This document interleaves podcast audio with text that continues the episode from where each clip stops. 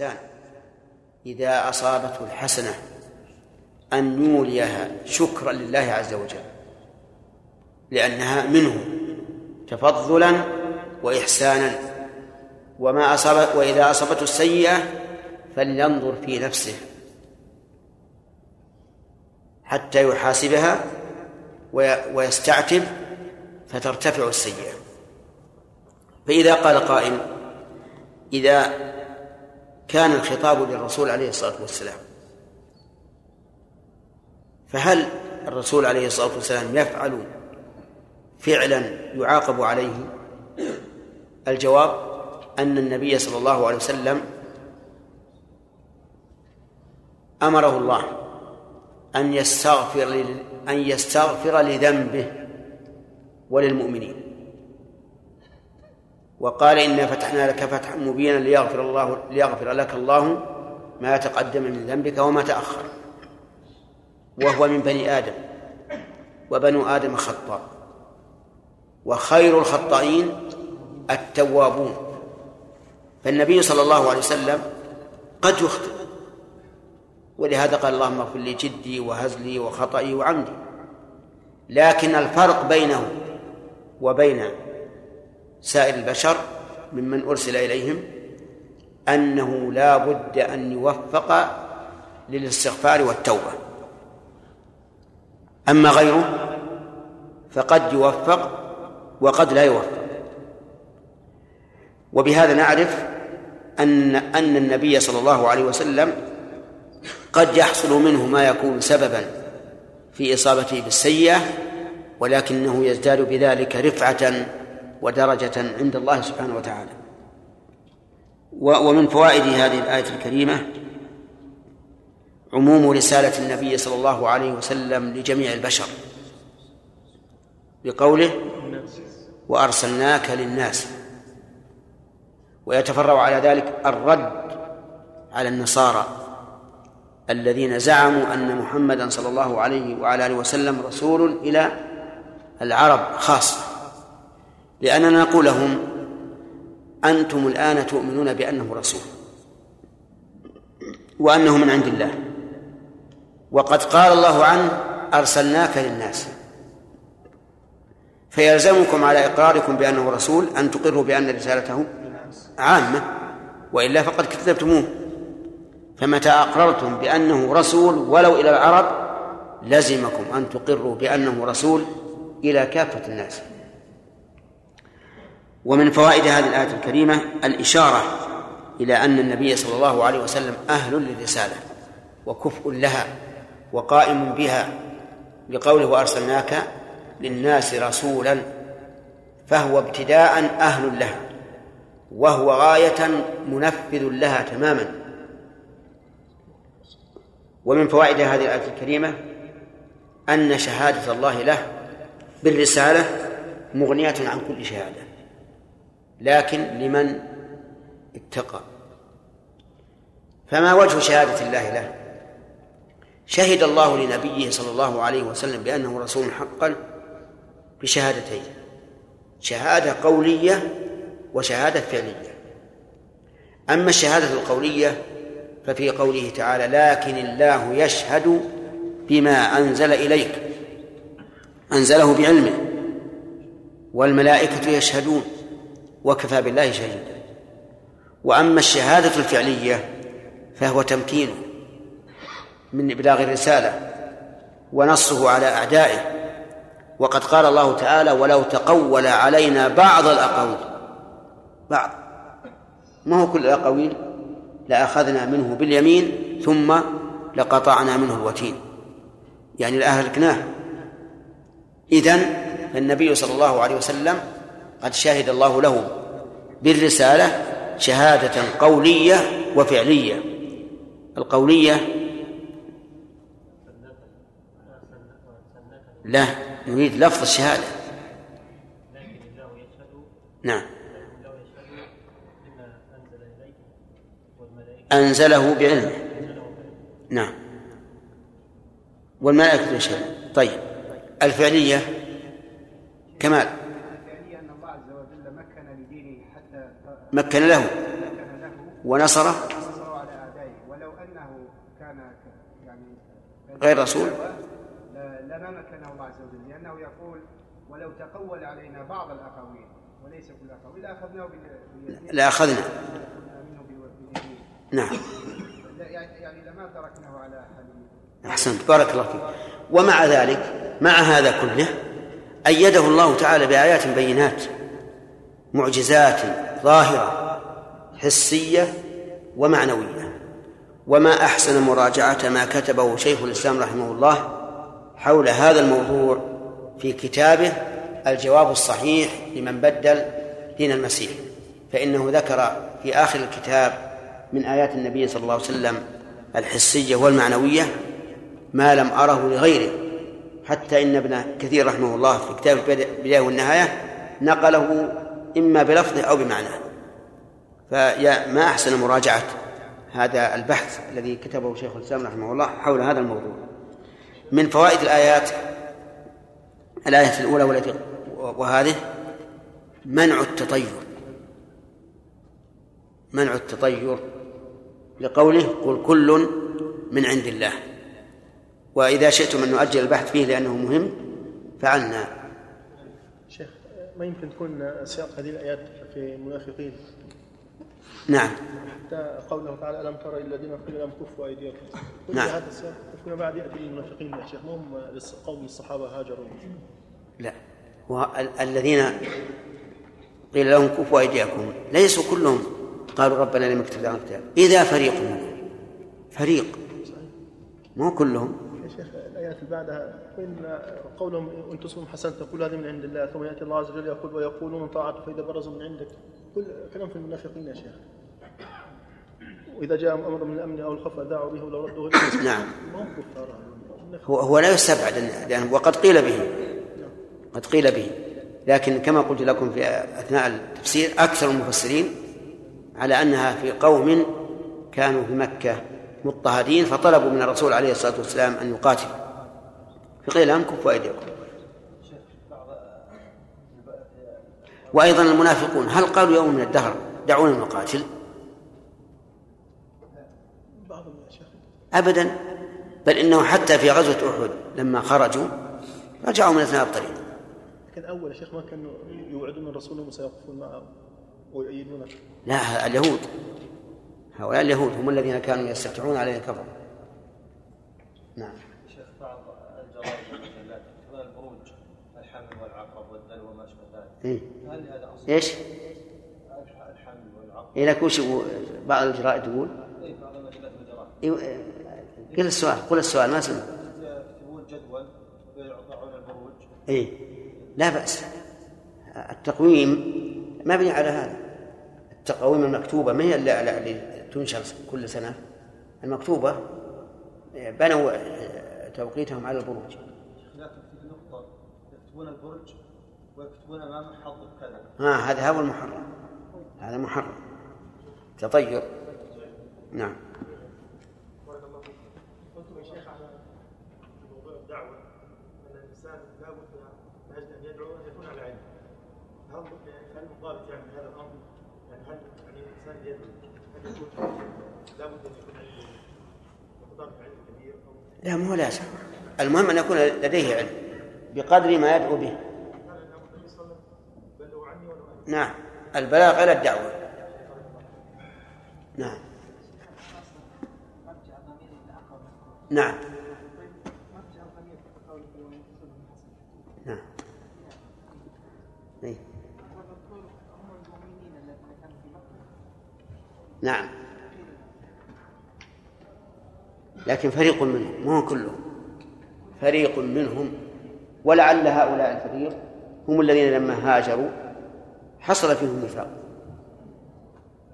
لما هاجروا إلى المدينة حصل فيهم النفاق وإن كان النفاق اكثره في في. في الخزرج والأوس. نعم. من؟ هؤلاء الذين هاجروا وقد قالوا دعونا نقاتل فقيل كفوا أيديكم. هاجر منهم فريق منهم مو كلهم. انحرفوا عن عن مبدأهم الأول. ولما كتب عليهم القتال تراجعوا ونافقوا ولا يستبعد هذا. يكون أولهم مؤمنين ثم كانوا منافقين. سلامة. إيش؟ نعم.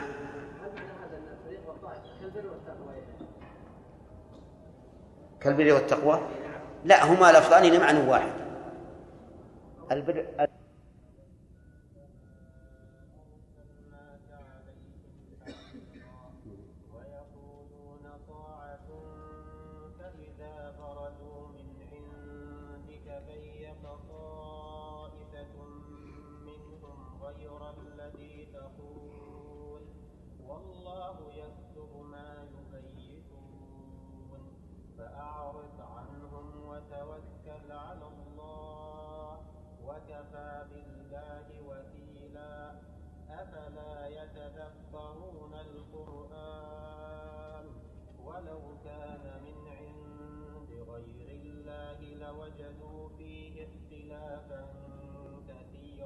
بس.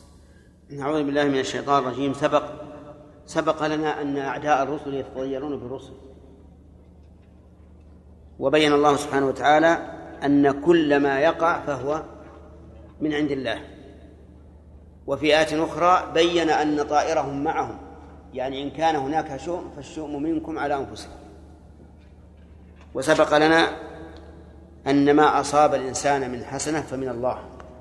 وما أصابه من سيئة فمن نفسه وسبق لنا الجمع بين هذه الآية والتي قبلها أن السيئة والحسنة من الله خلقا وتقديرا وهي والسيئة من الإنسان سببا يعني يكون هو السبب وليس هو الذي أوجدها وبهذا يحصل الجمع بين بين الآيتين.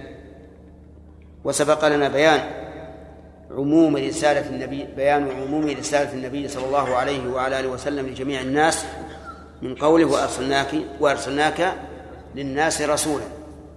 وهذه آية من آيات كثيرة تدل على رسالته وعمومها. وسبق لنا أن الله شهد لصحة رسوله صلى الله عليه وسلم على وجهين.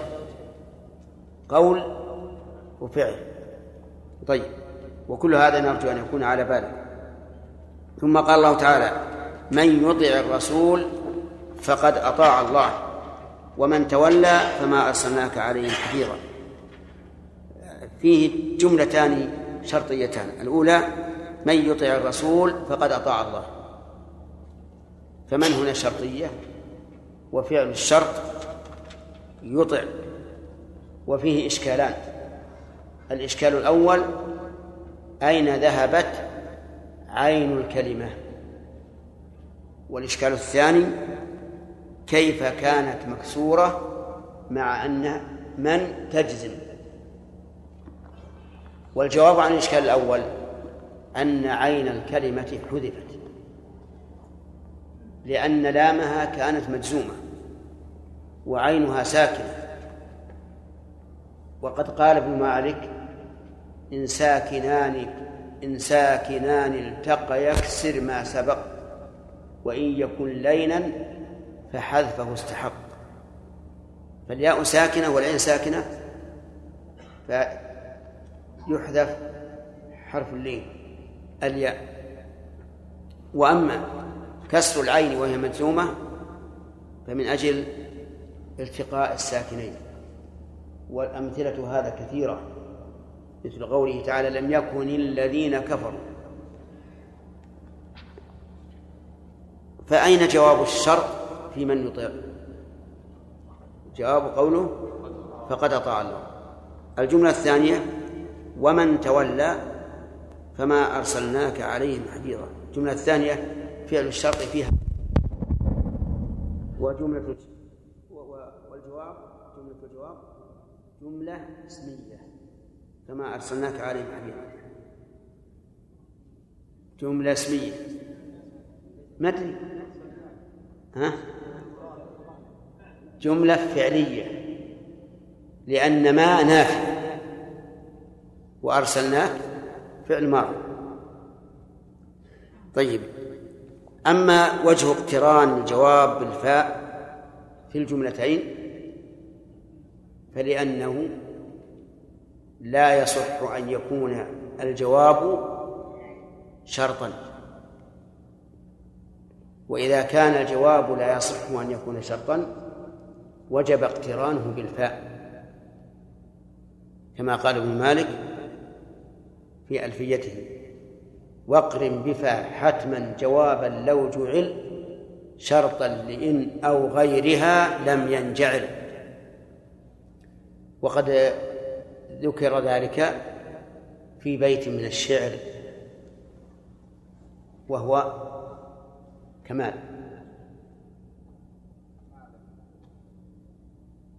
عبد الله؟ اسمية طلبية وبجامد وبما وقد وبلن وبالتنفيذ. طيب. يقول الله عز وجل من يطع الرسول فقد أطاع الله وألف الرسول للعهد الذهني. وهو محمد صلى الله عليه وعلى آله وسلم. لأن القرآن نزل في عهد رسالته. ويصح أن أن نقول إنه عام. يشمل كل رسول. وعلى هذا فتكون ال للعموم وليست للعهد.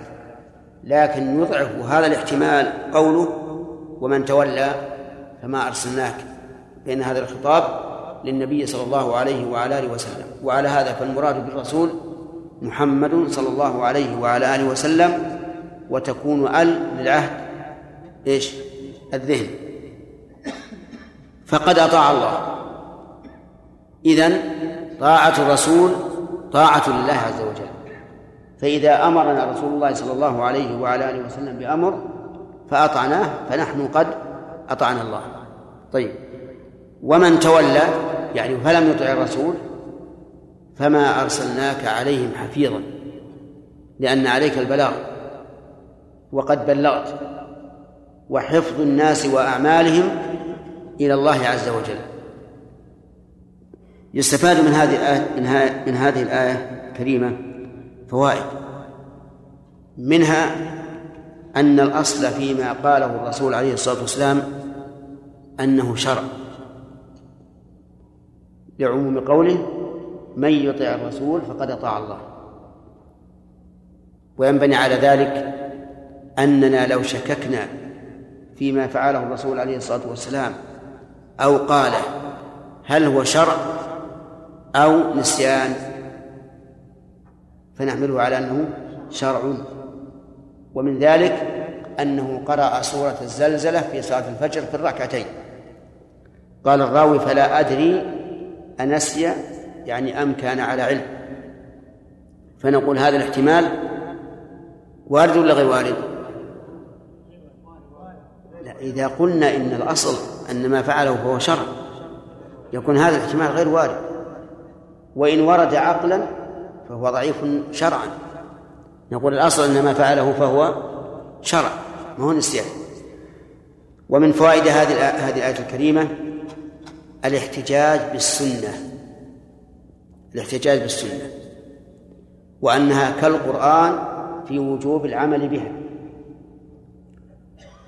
ولكن نحتاج في السنة إلى إثبات صحتها أو إلى إثبات نسبتها إلى رسول الله صلى الله عليه وعلى آله وسلم. نحتاج إلى هذا لأن ما دام لم تثبت فإنها ليست من كلام الرسول.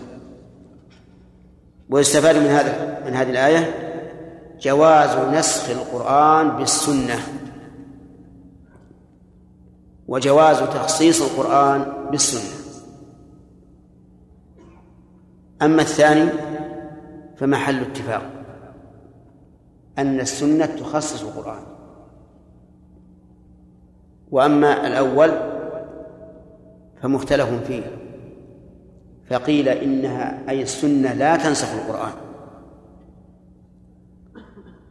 من من وجهين. الوجه الأول أن دلالة القرآن قط أن ثبوت القرآن قطعي. لأنه نقل بالتواتر اللفظي والمعنوي. والسنة إيش؟ ليست كذلك. السنة ليست كذلك. الثاني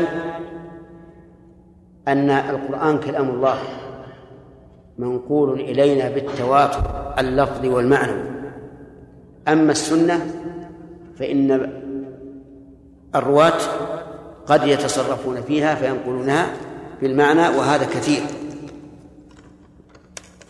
لذلك قالوا إن القرآن لا ينسخ بالسنة والصواب أن القرآن ينسخ بالسنة إذا ثبتت عن النبي صلى الله عليه وعلى آله وسلم.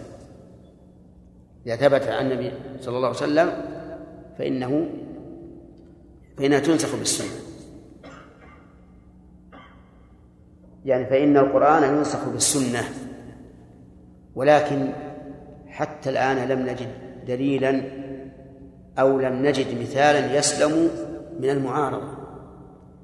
لكن من حيث النظر نقول إنه أي نسخ القرآن بالسنة ثابت. هذه يقول جملة اعتراضية سيارة جيب أمام باب العمارة رقم اللوحة من اليمين خمسة صفر سبعة سبعة صفر تسعة. نرجو من صاحبها إبعادها فورا. ملاحظة لون السيارة بيج.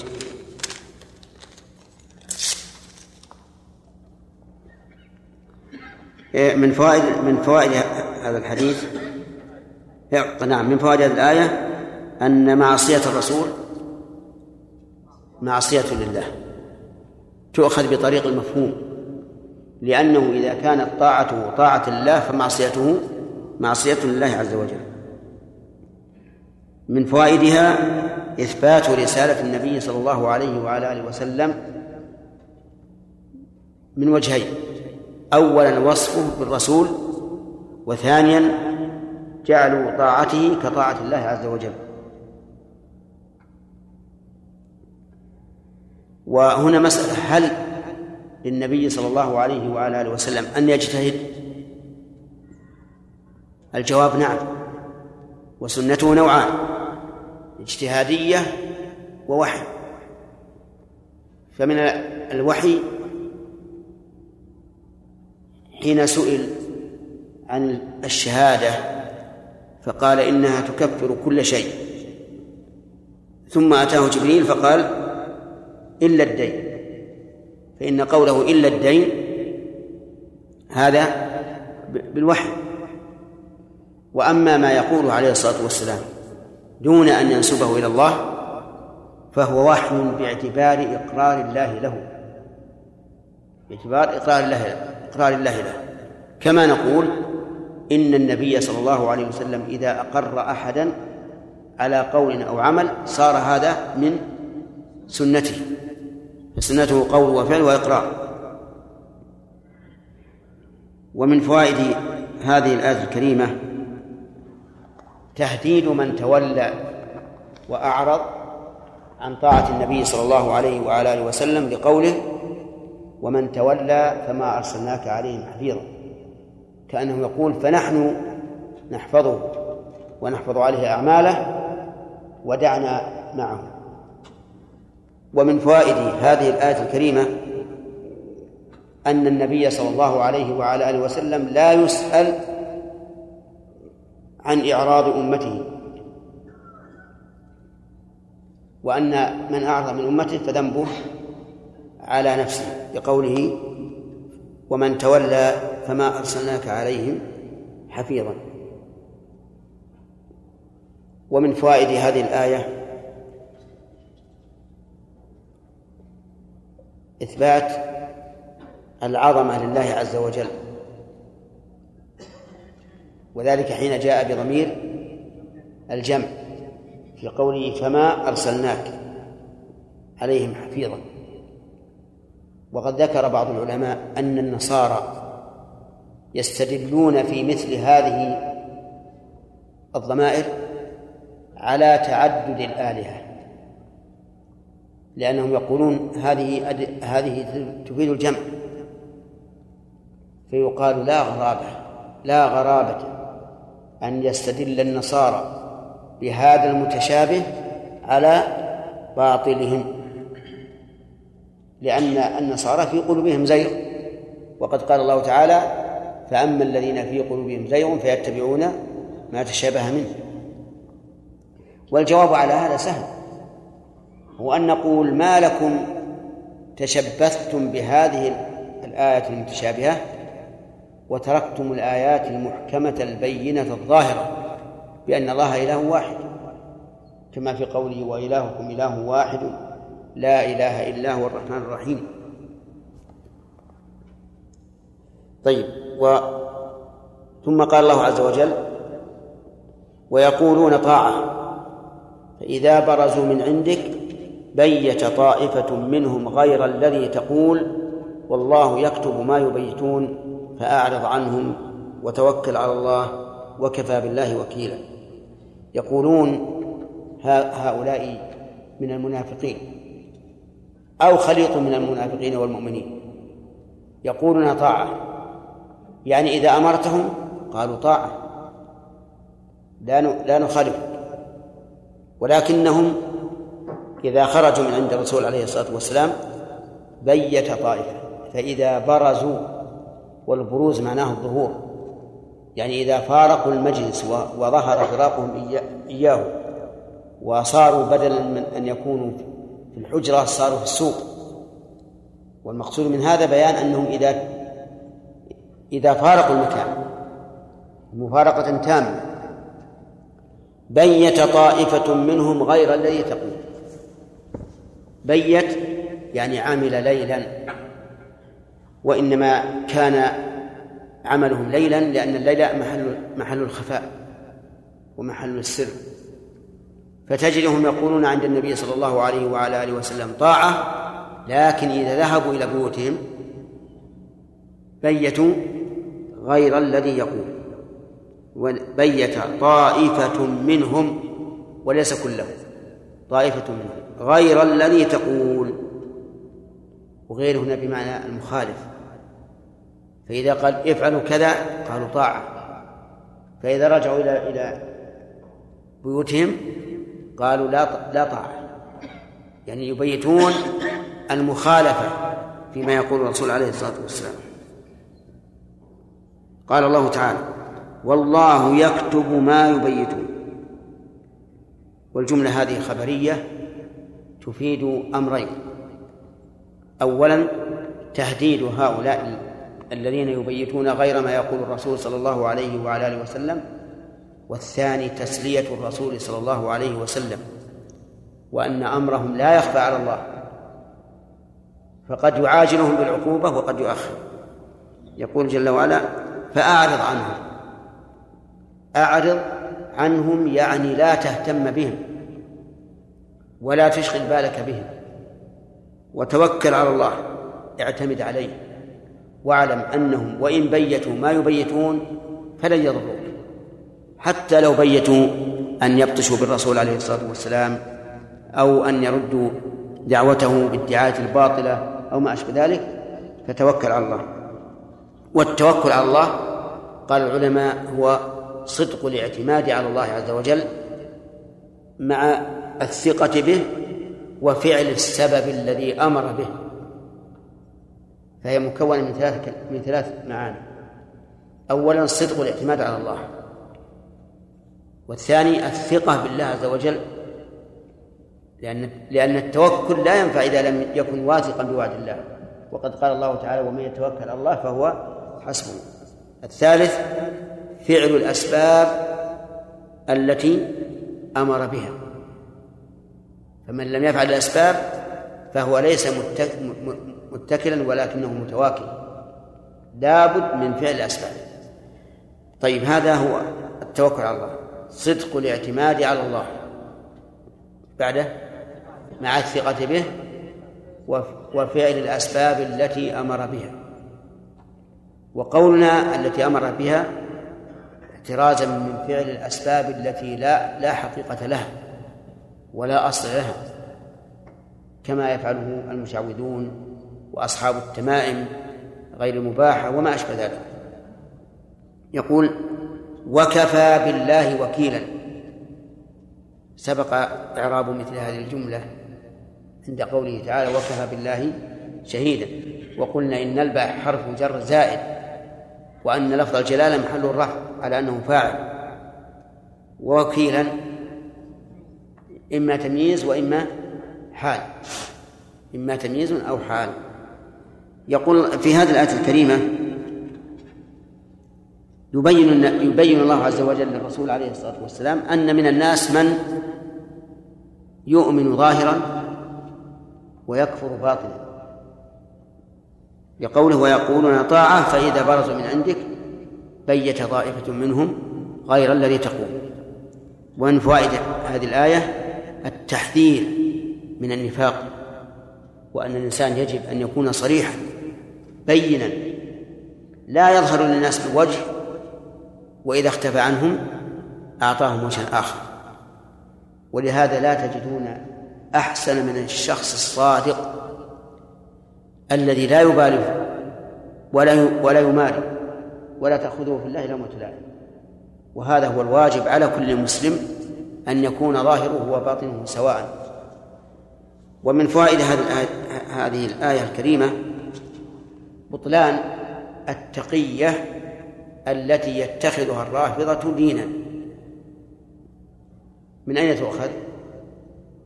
من تهديد الله عز وجل هؤلاء الذين يتظاهرون بالطاعة ويبيتون خلاف الطاعة. وذلك في قوله والله يكتب ما يبيتون. ومن فوائد الآية الكريمة إثبات الفعل لله عز وجل. بقوله يكتب لكن هل المراد بذلك أنه يكتبه هو بنفسه جل وعلا مباشرة أو يأمر بكتابه. الثاني هو المراد. لكن ما فعل بأمر بأمر الآمر فهو منسوب إليه. وإلا فالذين يكتبون أعمال العباد هم الملائكة. لقول الله تبارك وتعالى كلا بل تكذبون بالدين وإن عليكم لحافظين كراما كاتبين. ويصح أن ينسب الفعل إلى الآمر به شرعا وعرفا. ولهذا يقال أنت معنا؟ يقال بنى عمرو بن العاص مدينة الفسطاط. ومعلوم أن عمرو بن العاص لم يباشرها بنفسه ولكن أمر بها. ويقال بنى الأمير قصره. هل هو الذي أتى باللبن والطين؟ لا. ولكنه أمر بذلك. ومن ذلك قوله تعالى والسماء بنيناها بأيدي أنتم أشد خلقا أم السماء بناها؟ ليس باشرها عز وجل بيده كما خلق آدم بيده. لكنه قال كن فيكون. لقوله تعالى ثم استوى إلى السماء وهي دخان فقال لها والأرض ائتيا طوعا أو كرها قالتا أتينا طائعين. نعم.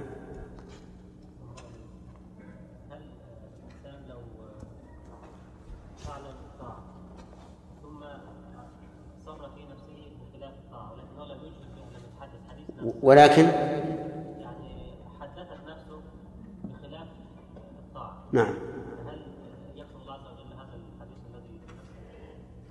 لا لا يؤاخذ به لقوله صلى الله عليه وعلى وسلم إن الله تجاوز عن أمتي ما حدثت به أنفسها ما لم تعمل أو تتكلم. نعم.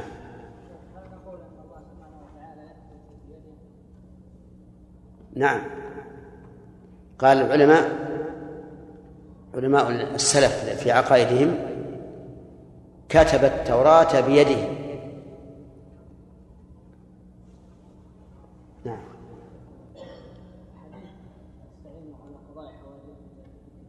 نعم. ما في هذا؟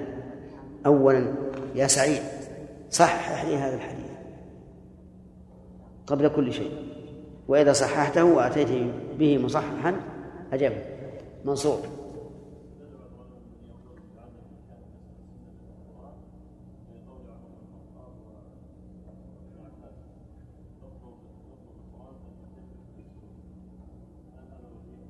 لا. هذا ليس بوجه. بل هذا دليل على أن السنة تعتبر كما يعتبر القرآن وأنها قد تأتي بتفاصيل وتفسير ليس موجودا في القرآن. وهذا هو الواقع.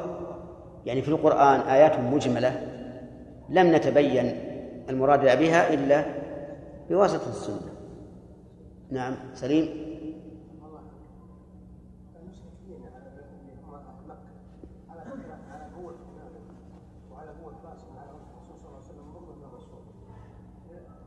صراحة ما ما ما سمعت نسلم واحد نسلم احد ما ما ما تزعج وان كنت اتكلم عن الشرك ما ما رايي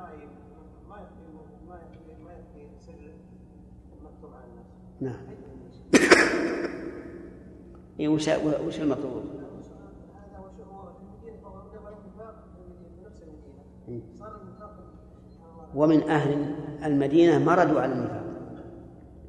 والسبب في ذلك أن النبي صلى الله عليه وسلم لما قدم المدينة وظهر أمره في غزوة بدر. بدأ المنافقون يخافون. بدأوا ينافقون. وإلا حتى في أول قدومه ما كان يعرف النفاق. ما عرف ولا بزغ نجمه إلا حين حصل الظهور للرسول عليه الصلاة والسلام في بدر.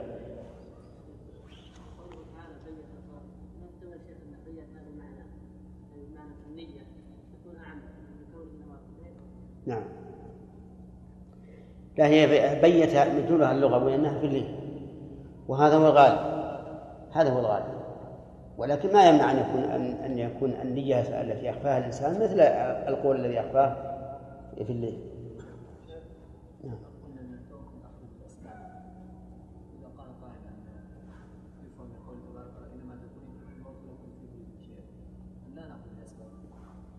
الموت لا بد منه. مع انه ما فرق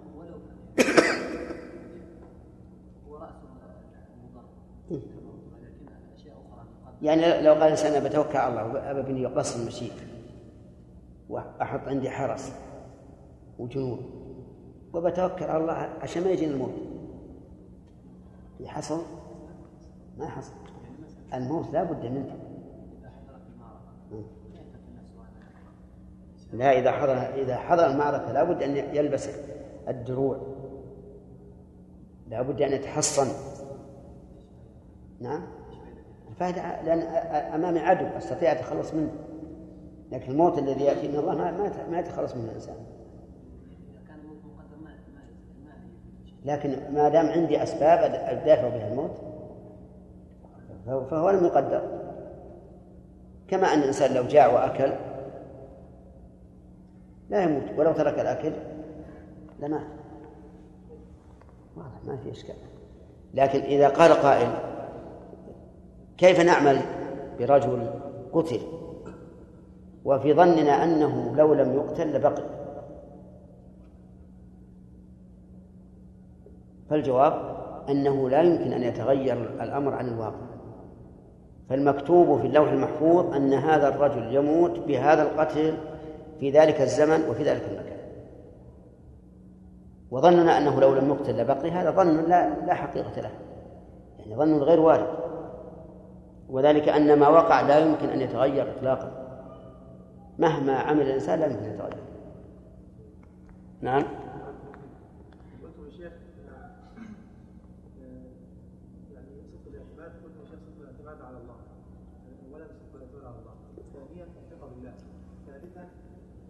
فعل الأسباب المأمور بها. نعم. فإذا جاء رجل قال يعني إذا مرض إذا مرض ولد ابن لي يعني. نعم. فهل يعالجه بالطب النبوي أم يعالجه بالطب النبوي؟ نعم. عالجوا عالجوا بما هو أنفع. يجمع بين الأمرين. يعني لا ما نقول جرب كلمة جرب ما تأتي بالأمور الشرعية. في الأمور اللي من من مصنوع الخلق لا بأس. جرب لكن الطب النبوي ناخذه كما قلتم هنا بالامس يا شيخ وانت والانسان جازم على انه اي اي معلوم. هذه في الأمور الشرعية لأن الله أخبر عنها فلا بد أن تأخذها وأنت جازم. أما الأمور المصنوعة فهل تجزم بأن ما صنعه هؤلاء يكون موافقا؟ يحيى.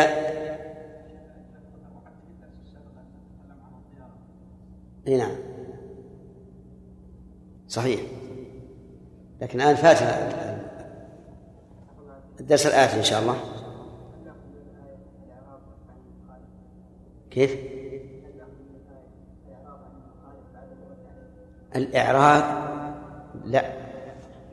هذا المقصود بالإعراض أن لا أن لا يهتم بهم. وإلا فلا بد من بيان الباطل.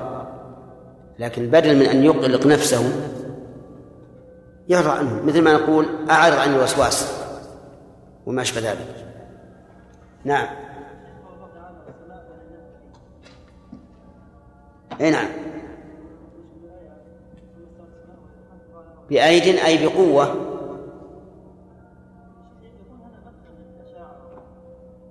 مدخل.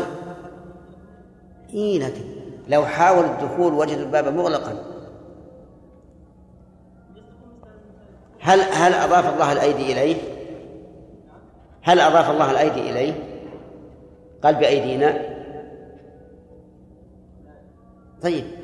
إذا لو قلنا بأيدنا أي بأيدي الله لكنا قلنا الله ما, ما, ما لم يقل. فهمت؟ والأيد في اللغة العربية يعني القوة.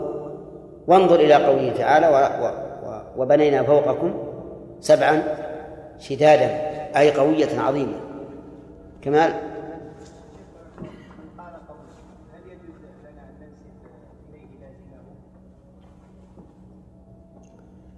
أما قول الله ورسوله فلازمه الصحيح حق.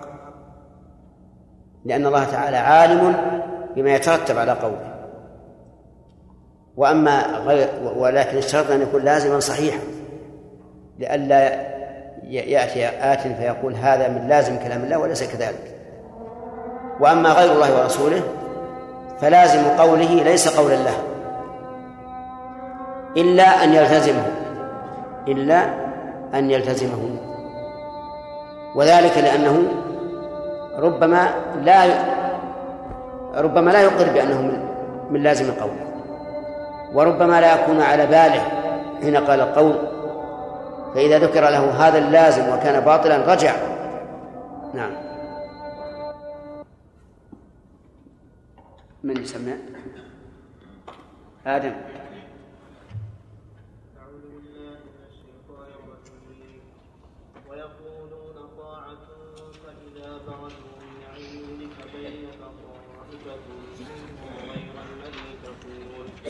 والله يكتب ما يبيتون فأعرض عنهم وتوكل على الله وكفى بالله وكيلا.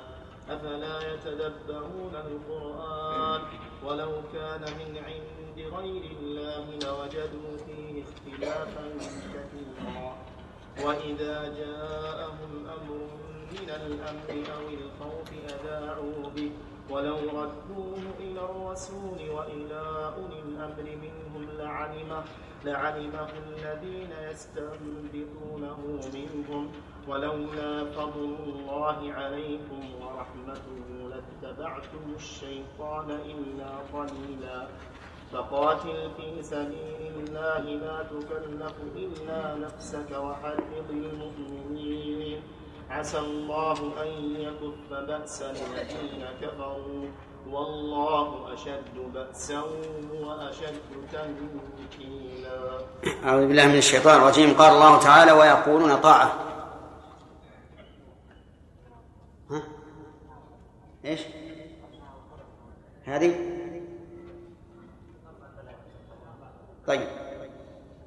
ويقولون طاعة فإذا برزوا من عندك بيت طائفة منهم غير الذي تقول والله يكتب ما يبيتون فأعرض عنهم وتوكل على الله وكفى بالله وكيلا. من فوائد هذه الآية التي ذكرتم تقرؤونها علينا لا تتكرر. اقرأ أحمد. الفائدة الأولى أن من الناس من يفتن ثلاث آيات الثانية التكفير من النفاق الثالثة بطلان التقية إيش؟ بطلان التقية التي التقية بطلان التقية التي يعطيها الله ودينه وهذا يأخذ من تهديد الله لهم في قوله الرابع هل المراد انه يكتب مباشره أو يامر بالكتابه؟ المراد الثاني لكن ما فعل بامر الله فهو من فعله ولكن فعل بامر الله فهو من فعله نعم صح بالنسبة إلى الامر عقبه مصرحه تقول فانا عبد من عاصم بين الخطاب ومنها قوله تعالى والسماء بنيناها بايدي قوله تعالى والسماء وما بناها ولم ها؟ ولم يباشرها بيده بل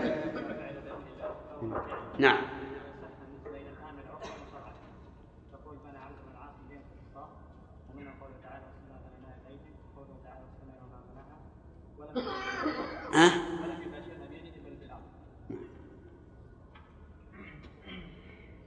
ومن فوائد هذه الآية الكريمة أن المنافقين يحرصون على أن يخفوا أعمالهم ولهذا يوقعونها ليلا. لقوله والله بيت طائفة منهم غير الذي تقول. ومن فوائد الآية الكريمة أن قول النبي صلى الله عليه وعلى آله وسلم كقول الله في وجوب طاعته وترك ما نهى عنه. وجهه أنه حذر هؤلاء الذين يبيتون غير ما يقول الرسول صلى الله عليه وعلى آله وسلم. ومن فوائد هذه الآية الكريمة إثبات الأفعال الأخ- الاختيارية التي تكون من فعل الله. لقوله تعالى والله يكتب. فإن قال قائل لقد فسرتم الكتاب هنا بكتابة الملائكة. قلنا ولكن كتابة الملائكة وقعت بأمره والأمر من الصفات الاختيارية. وهذا الذي دلت عليه الآية الكريمة هو ما ذهب إليه أهل السنة والجماعة من أن أفعال الله أفعال اختيارية. وذهب أهل التعطيل إلى أن الله تعالى ليس له أفعال اختيارية تقوم به وأنه لا يمكن أن يتجدد له فعل لأنهم يدعون أنه لا يقوم الحادث إلا بحادث وهذا باطل. بل نقول لهم عكس ما أرادوا أن من لا يفعل ناقص ومن يفعل إيش؟ كامل. لا شك أن من يفعل أكمل ممن لا, يفعل. فالصفات ال- ال- الاختيارية وهي الصفات الفعلية لا شك أنها من كمال الله عز وجل. قال الله تعالى إن ربك فعال لما يريد. ومن فوائد الآية الكريمة إثبات العلم لله. لقوله يكتب ولا كتابة إلا بعد علم. ومن فوائد الآية الكريمة الإعراض عمن أيسنا من إصلاحهم لقوله فأعرض عنهم وتوكل على الله. ولكن هل هذا يعني الإعراض المطلق بحيث أن لا نعيد عليه الكرة مرة ثانية؟ الجواب لا. إنما نعرض عنه ما دمنا قد أيسنا من من صلاحه. ومن فوائد الآية الكريمة وجوب التوكل على الله. لقوله وتوكل على الله يعني اعتمد عليه في جلب المنافع ودفع المضار بمعنى أنك لا ترجو حصول المنافع إلا منه ولا دفع المضار إلا منه سبحانه وتعالى. والتوكل على الله معناه تفويض الأمر إليه وصدق الاعتماد عليه والثقة به سبحانه وتعالى. وهل يجوز أن يطلق هذا اللفظ على المخلوق فيقول توكلت على فلان في شراء سيارة لي؟ نعم يجوز.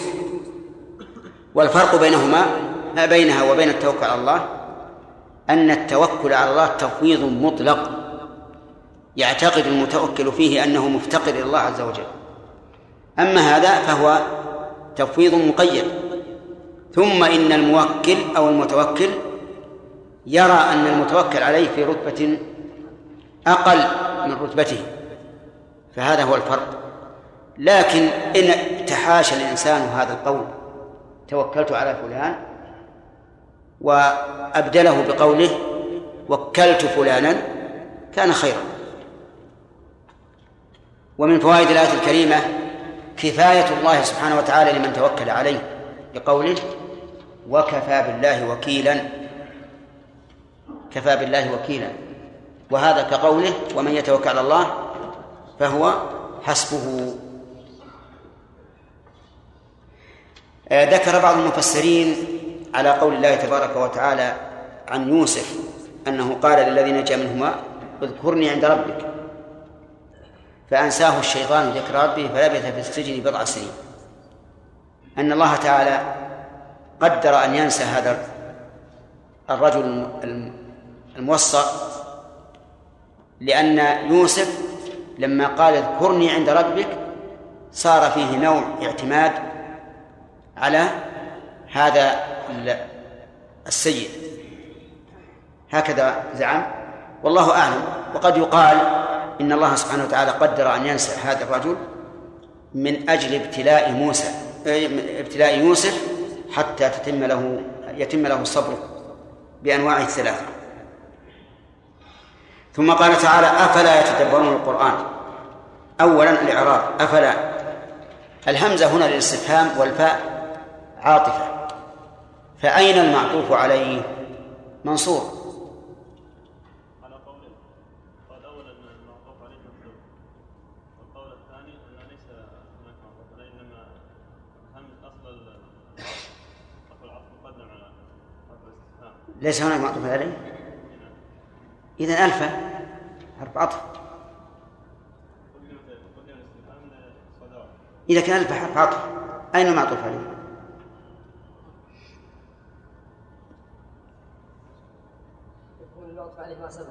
نعم.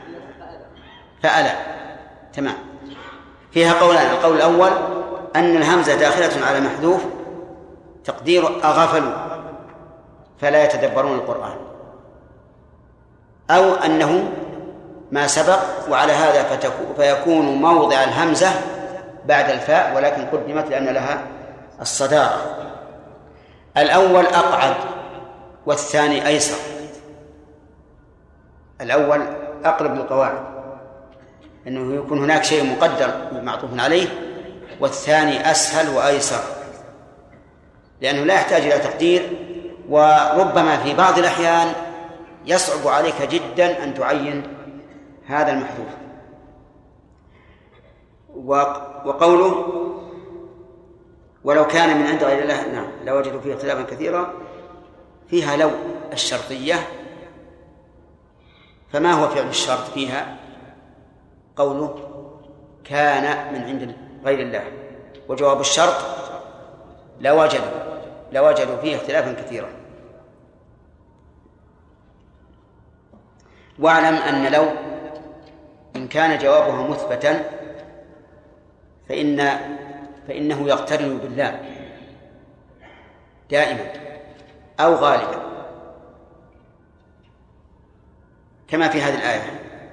لو كان من عند غير الله لوجدوا فيه اختلافا كثيرا.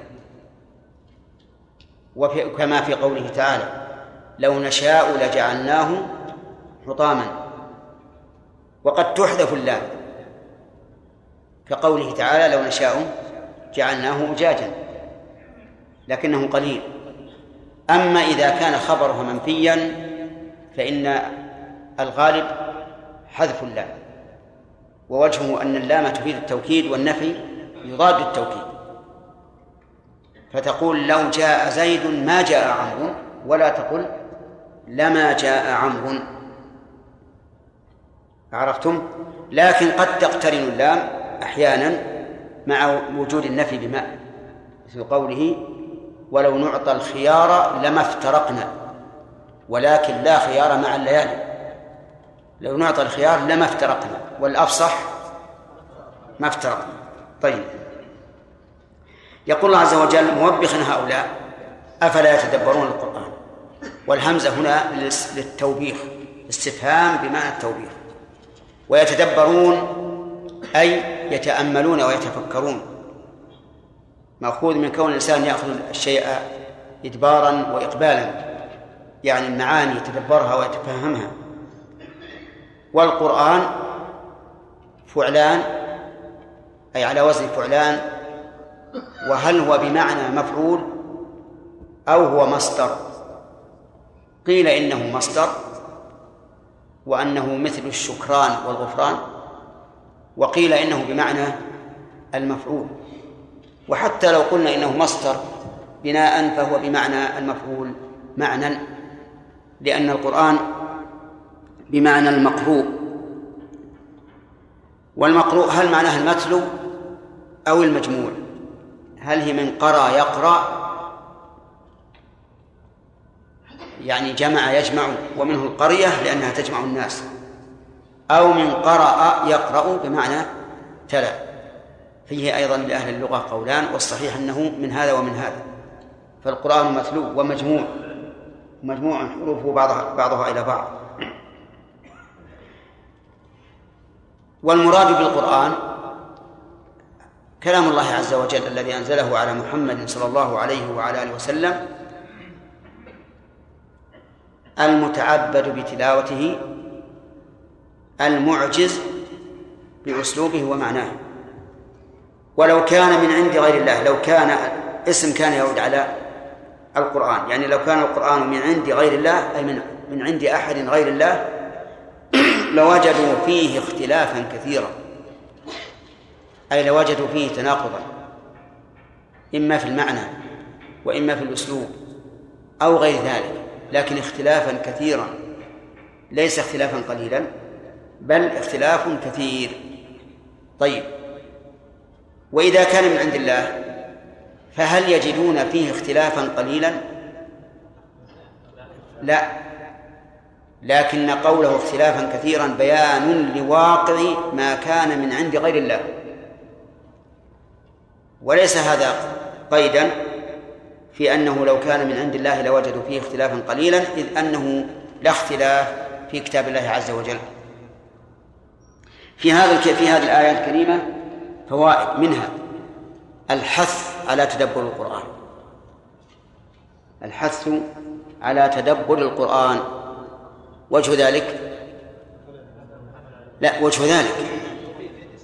توبيخ من لم يتدبر.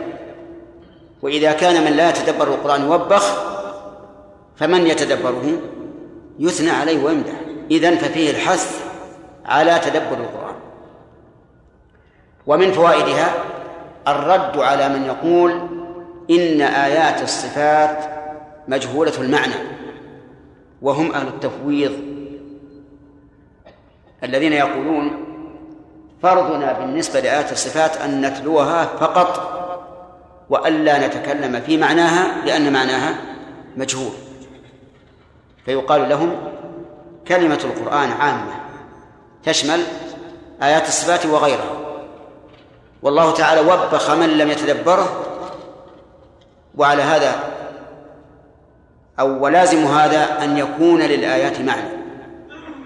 لأن الحث على تدبر ما لا يمكن الوصول إلى معناه حث على متعذر أو متعسر وعلى هذا فيكون الحث من كلام اللغو وينزه عنه كلام الله عز وجل. فإن قال قائل إذا قلتم إن آيات الصفات غير مجهولة المعنى وإنها معلومة. فهل يلزم من ثبوت المعنى مماثلة المخلوق؟ فالجواب لا لا يلزم لأن الله يقول ليس كمثله شيء وهو السميع البصير. ففي الآية إثبات ونفي المثل. إذن لو كان لا يمكن إثبات إلا بإثبات مماثلة لكان في الآية إيش؟ تناقض تناقض ظاهر. إذن آيات الصفات معلومة نعم لكن بدون تمثيل. فإن قال قائل وهل يمكن إثبات معنى بدون تمثيل؟ فالجواب نعم. ولنضرب مثلا بقوله تعالى بل يداه مبسوطتان ينفق كيف يشاء فأهل التفويض يقولون لا نعلم ما المراد بقوله بل يداه. وأهل التأويل يقول معناها النعمة والقدرة. وأهل السنة والجماعة يقول معناه اليد الحقيقية التي نظير مسماها أجزاء وأبعاض لنا. اليد مثل جزء منا لكنه لا يمكن إطلاق كلمة جزء على شيء من من صفات الله. لأن الجزء ما يمكن انفصاله عن الكل. وبالنسبة ليد الله وقدم الله وعين الله لا يمكن فيها هذا المعنى. إذا نقول لله يد حقيقية يطوي السماوات بيمينه والأرض جميعا قبضته يوم القيامة. طيب كيف يمكن أن نتصور يد بدون مماثلة؟ نقول هذا أمر سهل. ألست تشاهد الآن للجمل يد وتشاهد للهر يد يعني تشاهد مضمون هذه الجملة. الجواب بلى نشاهد هذا وهل يلزم من إثبات اليد للجمل أو للهر أن تكون اليدان متماثلتين؟ لا لا يلزم. بل نحن نشاهد أنها مختلفة. ومن فوائد هذه الآية الكريمة أن القرآن لا اختلاف فيه ولا تناقض. لقوله ولو كان من عند غير الله لوجدوا فيه اختلافا. فإن قال قائل إننا نجد في كتاب الله ما ظاهره التعارض. فكيف يتفق مع هذه الآية؟ نقول إذا رأيت شيئا في كتاب الله ظاهره التعارض فهذا إما لقصور في فهمك وإما لقلة في علمك وإما لسوء في قصدك. كما احتمالات ثلاثة. نقول ما في التناقض لكن أنت إذا ظننت التناقض فإما لقصور فهمك. يعني أن فهمك ردي قاصر. أو لقصور علمك لأن هناك علم يبين الجمع بينهما ولكنك لا لم يبلغك هذا العلم. وإما لسوء في فهمك. نعم في قصدك. وإما لسوء في قصدك. لأن الإنسان إذا كان قصد سيئه قصدا إذا كان قصده سيئا فإنه لا يوفق. كيف يكون قصده سيئا؟ يريد أن أن يظهر القرآن بأنه متعارض. لا يريد أن يصل إلى نتيجة سليمة وهي الجمع بين الاختلاف. ولهذا تجد المبتلى بهذا الشيء يشكل عليه آيات واضحة ليس فيها تعارض لكن نظرا إلى أنه يدور يفتش. لعل شيئا من الآيات يعارض بعضه بعضا. تجده والعياذ بالله يشتبه عليه الآيات الواضحات. واضح يا جماعة؟ طيب ممكن أن نزيد احتمالا رابعا وهو التقصير في الطلب. التقصير في الطلب نتيجته عدم العلم لكن إذا أضفناه على أنه سبب رابع كان جيدا. وعلى هذا فأسباب عدم فهم القرآن فأسباب عدم فهم القرآن أربعة. نعم.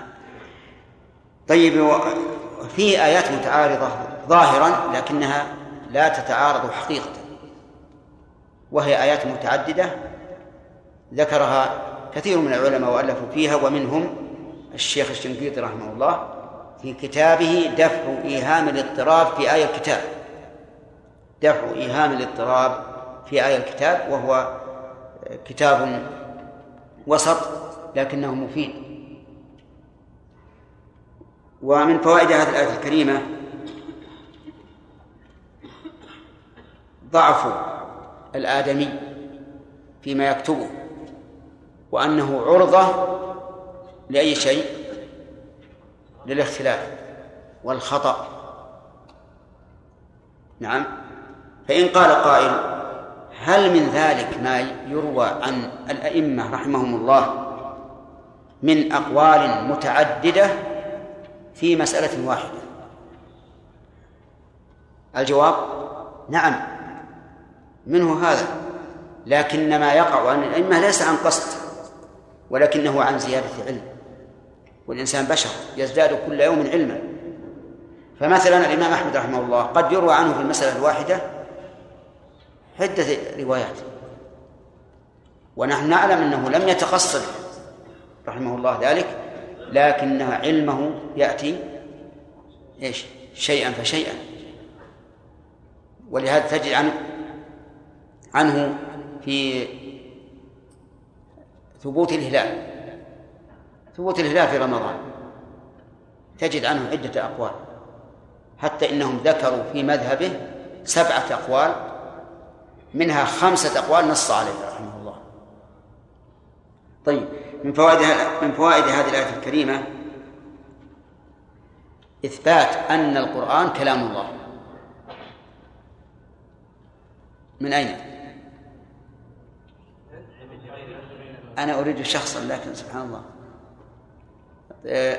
من قوله ولو كان من عند غير الله. فإنه يدل على أن القرآن من من عند الله عز وجل. إذا كان من عند الله صار صفة من صفاته. فهل يكون مخلوقا؟ لا. لا يمكن أن يكون مخلوقا. لأنه صفة وصفة الفاعل أو صفة الموصوف لازمة له. ليست باينة منه. ثم لو قلنا إنه مخلوق يا إخواني بطل الأمر والنهي. لو قلنا إنه مخلوق بطل الأمر والنهي. وبطل الشريعة. كيف ذلك؟ إذا قلت إنه مخلوق معناه أن الله خلق صاد مثلا. خلق مثل ما يخلق السماء. هل السماء أمر؟ فيها أمر نهي؟ لا. مثلا بسم الله الرحمن الرحيم. خلق الله حروفا على هذه الصورة لا تفيد شيئا أقم الصلاة أعبد الله ولا تشرك به شيئا. إذا قلنا إنها مخلوقة ليس فيها أمر وليس فيها نهي. حروف خلقت على هذا الشكل فقط. ما ليس فيها أمر ولا نهي. ولهذا كنا نتعجب حينما نسمع كلام ابن القيم رحمه الله أو شيخه. أن قول بأن القرآن مخلوق يبطل الشريعة لأنه يبطل الأمر والنهي فنقول كيف يتصور هذا؟ فتأملنا ووجدنا السبب أنه إذا كان مخلوقا صار عبارة عن صورة كلام خلقها الله عز وجل. ما يتعلق بأمر ولا نهي كما لو صورت سيارة أو بناء أو ما أشبه ذلك. طيب من من فوائد الآية الكريمة إثبات العندية لله. أي أن الشيء يكون من عنده وهو كذلك.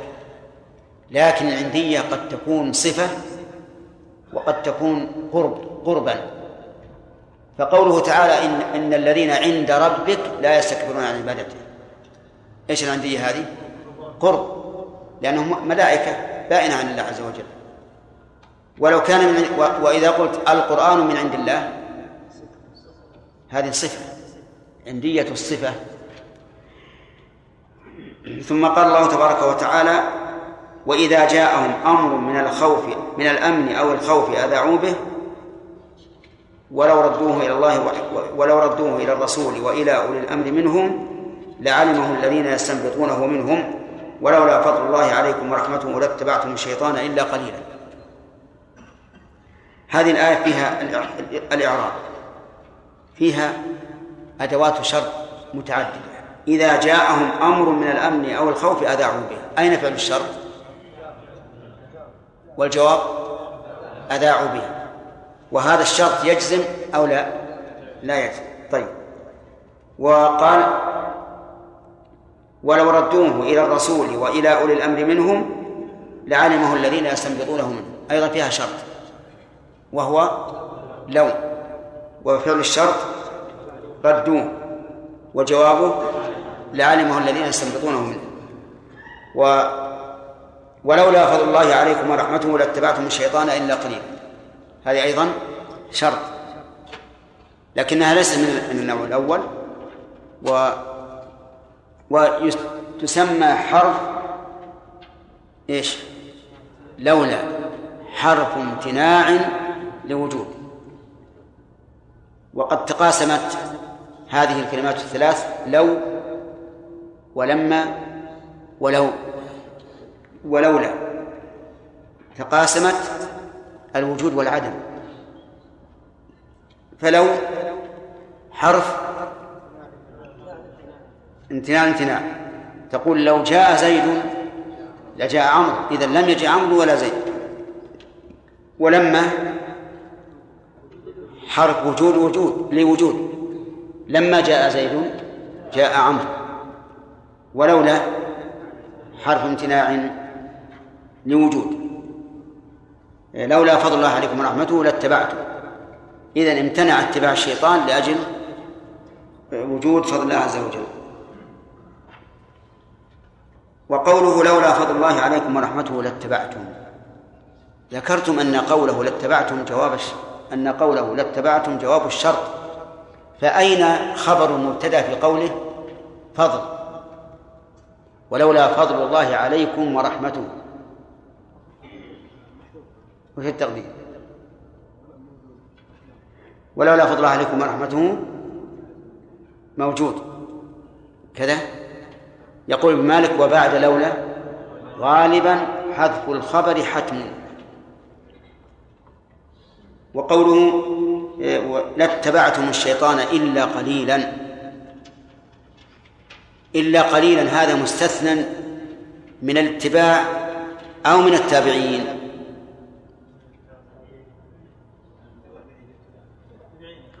أو الاتباع. نعم الأمرين يحتمل الأمرين لا شك.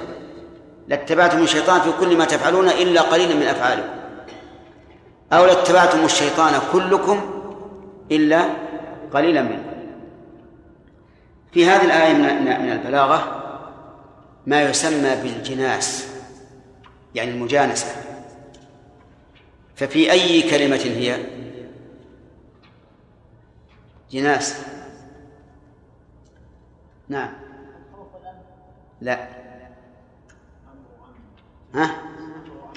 أمر وأمن. إذا جاءهم أمر من الأمن. الجناس تام إيش الناقص؟ ليش؟ ها؟ اختلاف الحرف. راء ونون. أما إذا قيل عباس عباس إذا احتدم الوغى.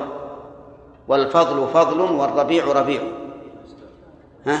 هذا إيش؟ هذا جناس تام عباس علم.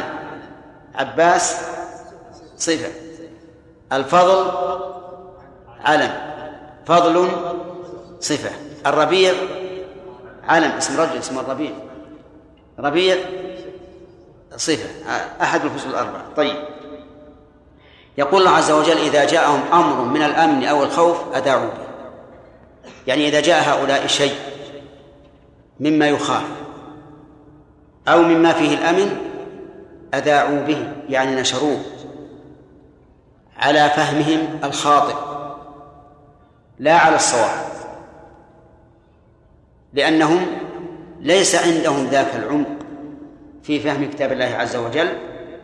وهذه نتيجة لقوله فيما في الآية التي قبلها أفلا يتدبرون القرآن؟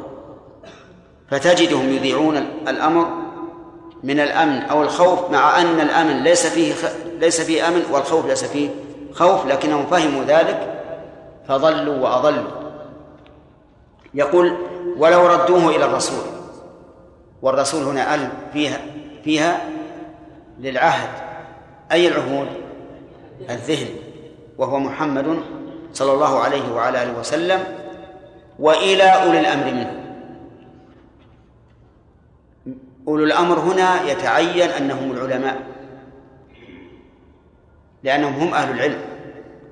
الذين ورثوا النبي صلى الله عليه وعلى آله وسلم بعد موته والذين شاركوه فيما شاركوه فيه في حال في حال حياته وإلى أولي الأمر منهم وهم العلماء لعلمه الذين يستنبطونه منهم. لعلمه أي علم الأمر على الوجه المراد من الأمن أو الخوف الذين يستنبطونه أي يستخرجونه. وأصل الاستنباط أصله من نبط يعني استخرج الماء وسمي استخراج الماء استنباطا لأنه كان يستخرجه فيما سبق الأنباط الذين ليسوا من العرب هم الذين يحفرون للماء حتى يصلوا إلى إلى غايته ولكن المراد بالاستنباط في الألفاظ هو إيش؟ استخراج المعاني. استخراج المعاني. أي لعلمه الذين يستخرجون المعاني التي تخفى على هؤلاء. ثم قال ولولا فضل الله عليكم ورحمته لاتبعتم الشيطان. صدق الله عز وجل. لولا فضله أي عطاءه ورحمته أي إحسانه. فالمراد بالرحمة هنا ليست صفة الله عز وجل بل المراد ما ثمرات هذه الصفة وهو إحسانه عز وجل إلينا. لولا فضل الله عليكم ورحمته لاتبعتم الشيطان. ولكن الله عز وجل يتفضل عليكم ويرحمكم فيعصمكم من الشيطان. إلا قليلا هو على ما سلف أن قلناه يحتمل أن يكون المراد إلا قليلا منكم أو أن المراد من أعمالكم طيب. في الآية الكريمة فوائد. أولا الحرص على عدم إذاعة الشيء إلا بعد التيقن من معناه والمعرفة به. يؤخذ من قوله من. إذا جاءهم أمر من الأمن أو الخوف أذاعوا به وهذا استنكار بل هذا إنكار عليهم ثم أرشدهم إلى ما هو الأصوب ومن فوائد الآية الكريمة ما جرت به العادة في أن الله عز وجل إذا نهى عن شيء بين وجها آخر غير منهي عنه. تؤخذ يا جمال لأنه قال ولو ردوه إلى الرسول وإلى وإلى أولي الأمر أحسن طيب. وهذه قاعدة قاعدة جاءت في القرآن الكريم وجاءت في السنة النبوية. في القرآن الكريم يا أيها الذين آمنوا لا تقولوا راعنا وقولوا انظرنا. جاء بدلها. جاء بدلها بكلمة مباحة. في السنة لما جاء إلى النبي صلى الله عليه وعلى آله وسلم بتمر جيد وسأل من أين هذا؟ قالوا كنا نأخذ الصاع من هذا بالصاعين. والصاعين بالثلاثة فقال ردوه. ثم أرشدهم فقال بع التمر الردي بالدراهم ثم اشتري بالدراهم تمرا جيدا. أنا رويت الحديث بالمعنى. إذن لا ينبغي للإنسان المبين للناس أحكام شريعة الله إذا نهاهم عن شيء حتى يفتح لهم الباب. باب إيش؟ باب الحلم. لأنك ما افرض أن الإنسان يعامل معاملة ربوية فقلت يا أخي هذا حرام ما يجوز. ومعاملته كلها على هذا المنوال أي على أنها ربوية ما لم ينبه أحد. إذا قلت هذا حرام هذا ربا لابد أن تفتح له إيش؟ باب البيع الحلال. حتى يهون عليه ترك ما كان معتادا له. وينتقل إلى الحلال بسهولة. لأن صرف الإنسان عما كان يعتاده صعب جدا. وهكذا ينبغي لطالب العلم إذا ذكر للناس شيئا محرما أن يذكر لهم ما يستغنون به عن هذا المحرم من الشيء إيش؟ الحلال. ويأتي إن شاء الله بقية كلام الله. نعم ما يشاع بأن اختلاف علماء الأمة رحمة ما رأيكم فيه؟ ورد فيه حديث ليس بصحيح. اختلاف أمتي رحمة. وهذا ليس بصحيح. بل الوفاق هو الرحمة. لقوله تعالى ولا يزالون مختلفين إلا من رحم ربه. ولو صح الحديث لكان معناه اختلاف أمتي رحمة بمعنى أن المختلفين فيما يسوق فيه الخلاف لا يأتمون. لكن عجيب من العامة. العامة إذا أرادوا شيئا أتوا بنص ولو كان ضعيفا. ثم فسروا النص بما يريدون. تأتي مثل لهذا الشخص يستفتيك عامي يقول هذا حلال ولا حرام؟ تقول هذا حرام. يروح العالم آخر قالوا هذه حلال. فيحتج ويقول اختلاف أمة رحمة. الله رحمنا بهذا الرجل اللي قال هذا حلال. يستفتيك إنسان في شيء تقول هذا واجب إذا لم تفعله أثمت يذهب إلى عالم آخر يقول لا هذا مو واجب نعم؟ وش يقول؟ الحمد لله. موسع الله اختلاف الله اختلاف الأمة رحمة نعم؟ يجي مثل الإنسان يستفتي عالما يقول أنا أريد أن أتعجل في اليوم الثاني عشر. أنا أريد أن أتعجل في اليوم الثاني عشر. هل يجوز أن أرمي قبل الزوال وأنصرف؟ تقول لا ما يجوز. لأن النبي صلى الله عليه وسلم وقت هذا وقت هذا الرمي بما بعد الزوال ولم يأذن للضعفاء أن يرموا قبل الزوال كما أذن لهم في الدفع من مزدلفة فدل على هذا على أنه ما في رخصة. يروح العالم آخر قال لا ما, ما في بأس. الناس الآن في حاجة أنك توسع لهم. خلوا يرمى الضح ويمشي فيرجع إليه ويقول الحمد لله. اختلاف الأمة رحمة. خل فتواك عندي كفتان فلان. ويمشي. نعم. فيقال هذا غلط.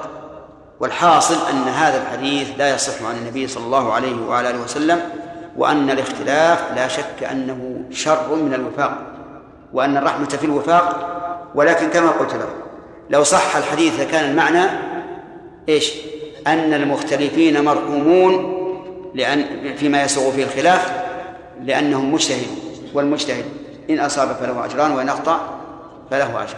نعم ده حازم. هل يقال أن في كلام الله أو هل يقال كلام الله أبلغ من بعض؟ الكلام كلام الله عز وجل باعتبار المتكلم به لا يتفاضل أبدا لأنه كلام واحد. أما باعتبار معناه وأسلوبه فإنه يختلف. قل هو الله أحد تعدل ثلث القرآن. قارن بين قوله يقول بين سورة قل هو الله أحد وسورة تبت يدا أبي لهب. تجد الفرق العظيم في المعاني. كذلك في الأسلوب. أحيانا تجد الأسلوب لينا سهلا. لا يؤثر يعني إثارة في القلب وأحيانا تجده كالصواعق على القلب. نعم فهو يختلف من هذه من هذه الناحية. أما باعتبار المتكلم به فهو فهو لا يتفاضل لأنه كلام واحد. نعم سلامة. قال في قوله تعالى فما ارسلناك عليهم حفيظا منسوخه بايه السيف وين من يطع الرسول فقد اطاع الله ومن تولى فما ارسلناك عليهم حفيظا نعم. هذا غلط ما هو صحيح. الرسول حتى بعد نزول آية السيف ليس حفيظا على الناس. نعم.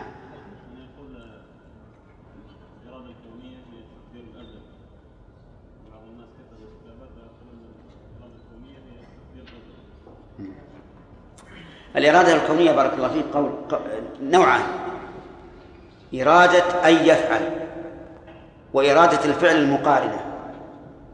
فإرادة أن يفعل هذه أزلية لا شك وإرادة الفعل. والإرادة المقارنة للفعل هذه حادثة فهمت؟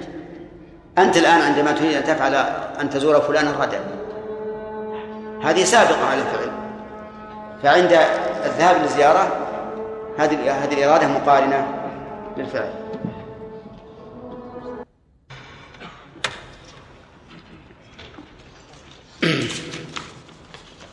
سمع طه. أعوذ بالله من الشيطان الرجيم.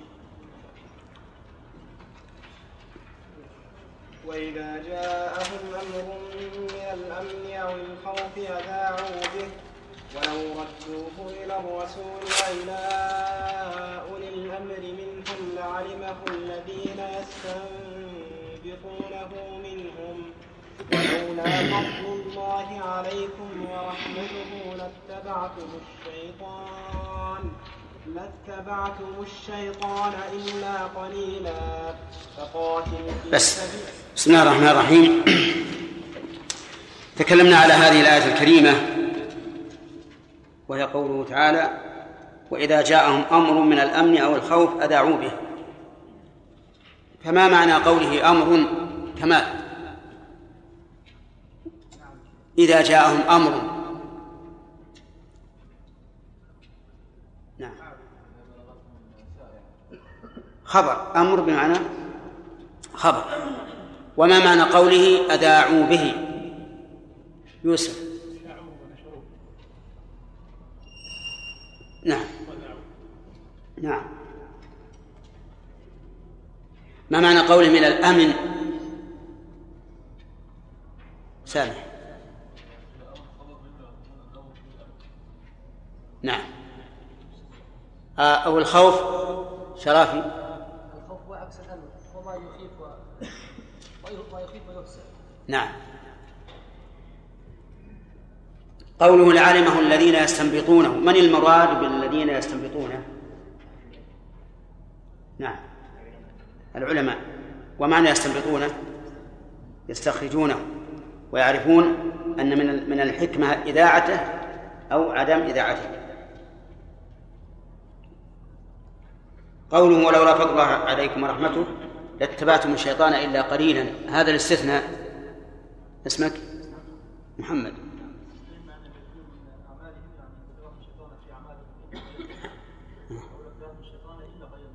نعم. إما أن يعود إلى المتبعين أو إلى ما اتبعوا به. طيب. في هذه الآية من الفوائد أولا التحذير من التعجل في نشر الخبر. ووجهه أن الله حكى ذلك ذاما له. ومن فوائده أيضا الرجوع إلى أهل الأمر إلى أولي الأمر بل إلى الرسول في حياته وإلى سنته بعد وفاته. وإلى العلماء في نشر الأخبار وإذاعتها. ومن فوائد الآية الكريمة أن هذه الآية تنطبق تماما على ما نحن فيه الآن حيث إن حيث إن كثيرا من الناس يعلنون الأخبار على عواهنها ولا يبالون بما ترتب عليها من خير أو شر ولا يزنون بين المصالح بعضها مع بعض ولا بين بين المفاسد بعضها مع بعض ولا بين المصالح وبين المفاسد. يذيعون الشيء ينشرونه بدون تحقيق ولا تمحيص وهذا من دأب المنافقين. لأن الله تعالى ذكره في هذا السياق في سياق الذين يقولون طاعة فإذا برزوا من عندك بيت طائفة منهم غير الذي تقول والله يكشف ما يبيتون. ومن فوائد هذه الآية الكريمة أن أولي الأمر حقيقة هم العلماء. لقوله وإلى أولي الأمر منهم. وهذا كالتفسير لقوله تعالى يا أيها الذين آمنوا أطيعوا الله وأطيعوا الرسول وأولي الأمر منكم. فإن أولي الأمر في هذه الآية تشمل العلماء والأمراء ولكن العلماء في المقدمة. إذ أن الأمراء منفذون لما يقول العلماء من شريعة الله. فالأصل إذن هم العلماء. والأمراء يلزمهم أن ينفذوا ما قاله العلماء من شريعة الله. فهم في الحقيقة تابعون للعلماء. وليس العلماء تابعين لهم. اللهم إلا أن يقدر الله أمرا تنعكس فيه الأحوال وتكون العلماء وراء الأمراء فإن هذا انقلاب وعكس. إذ أن الواجب أن يكون الأمراء خلف العلماء لأن العلماء عندهم من شريعة الله ما ليس عند الأمراء. لا سيما في